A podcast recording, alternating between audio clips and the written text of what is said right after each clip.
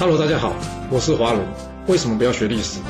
因为学历史会让你了解到顶层阶级的思考方式，成为他们的竞争者，所以他不希望你去学。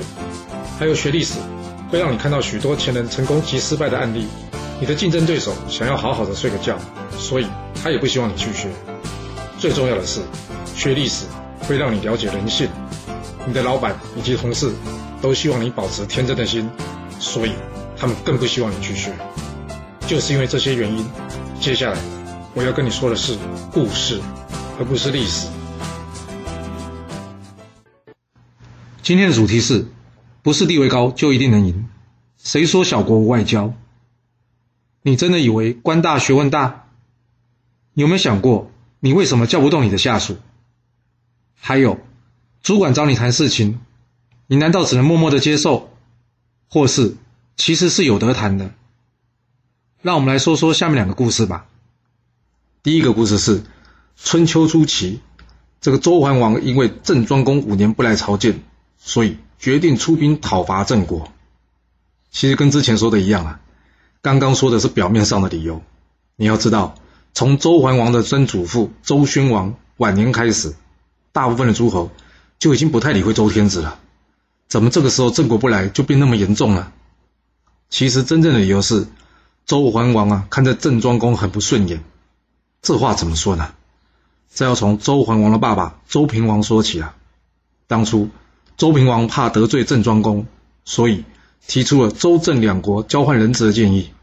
要知道，周可是大王哎，郑是臣子，哪有臣子跟大王交换人质的做法？这对王室来说是多么丢脸的事啊！所以周桓王一上任，马上免除郑庄公辅政的工作。那郑庄公也不是吃素的，他想，你给我难看，我也不会给你好脸色，所以马上出兵，就要偷割周天子的粮食。周天子呢，当时原本想要马上修理郑国的，不过在大臣的建议下，先忍了下来。好不容易等到这郑庄公来见他了，周桓王一肚子怒气难消啊，马上把上次偷粮的实事拿出来说，当场酸了郑庄公一遍。郑庄公在很没有面子离开之后呢，马上假传王命讨伐宋国，之后更是五年不来朝见周天子。哇，这是可忍孰不可忍啊！郑庄公公然把这周桓王当成塑胶了，所以周桓王决定了，一定要出兵来讨伐这个郑国。但是战争靠的是实力啊，不是谁的官大。周桓王的臣子国公林甫建议这周桓王大王不要出兵了。只要责问郑国，请他来朝见就可以了。但年轻气盛的周桓王怎么可能忍住这口气啊？他决定邀请三国联军，并且亲自率兵出征来讨伐这郑国。没想到这三国联军呢，却是被了郑国呢打个大败。最惨的是呢，他自己呢还被射中肩膀受伤。眼看就要全军覆没的时候呢，还好那个他不爱听他建议的这个国公林甫啊。出面稳住阵脚，才让周天子军队不至于全军覆没。最后，在郑国主动道歉下，结束了这场战争。然而，这一战却让周天子的威信啊，彻底的荡然无存了。不知道周桓王在出兵之前有没有想过，打输的后果是什么？还有打赢了有多少好处啊？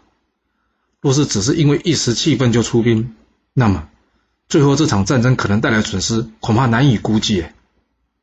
其实这就像投资一样，你的目的应该是要赚钱，或是获取可预估的利益，而不是爽吧？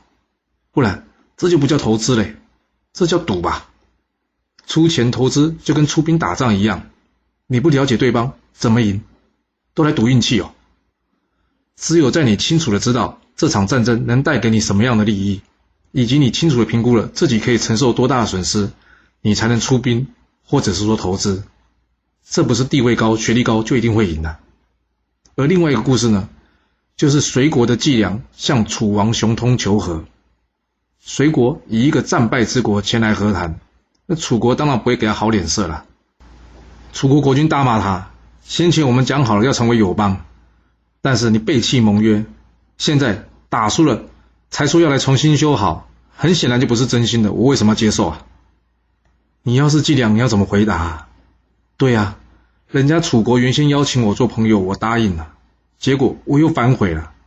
现在人家来出兵攻打我，我也不跟人家解释为什么我出尔反尔，反而是直接应战。糟糕的是，我还打败了。现在该拿什么理由跟人家和谈呢？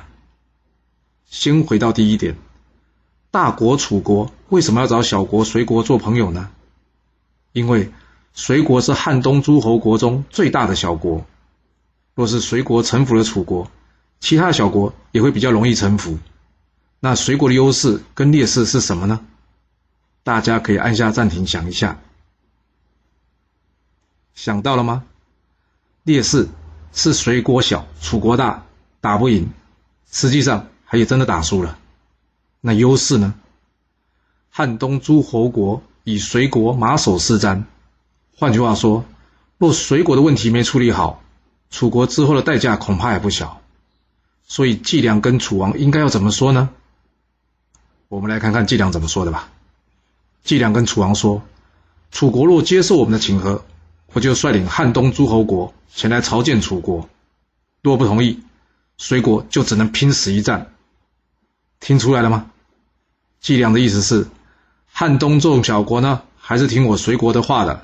你同意，我就叫大家来尊称你楚王为一声大哥；若是你不同意，那我就跟你拼个鱼死网破。哇，你看看。还有这种求和的方式嘞，这季梁不卑不亢的态度呢，反而给楚王出了个难题啊！答应他没面子，不答应将来代价不低。还好楚国也不是没有能人的，大臣窦伯比马上帮楚王找到了下台阶。他跟楚王说啊：“这场战争，随国的奸臣战死，贤臣活下来了，表示上天并不想要我们灭了随国，我们就顺应天意。”接受他们的请和吧，让随国留下来好了。另外，随国要率领汉东众小国向周天子建议，让我楚国称王。听好喽，是老天决定让随国活下来，不是我楚国被你呛瞎，怕到不敢打你哦。而且，我也不是没多附带要求哦。这样有了最有利的结局，同时也让楚王有了台阶下。更重要的是，随国也会清楚的明白。楚国是有能力人的，乖乖臣服吧。要知道，下属不甩你一定有道理。真正主管与下属的区别，从来都不是用职称来决定的，而是用影响力来决定的。你想想看啊，老板的儿子在你这位经理下面做实习生，请问谁是主管啊？所以，影响力或是说实力，决定了一切。另外，只要能上得了同一张谈判桌。就表示彼此对于对方存在着某种需求，所以千万别以为地位低就完全没有谈判的筹码。好了，我们今天先说到这。如果你就是不听我的劝，想知道完整版的故事内容，你可以从说明栏找到我爱故事频道的连结。不过记住哦，你是来听故事的，而不是来学历史的。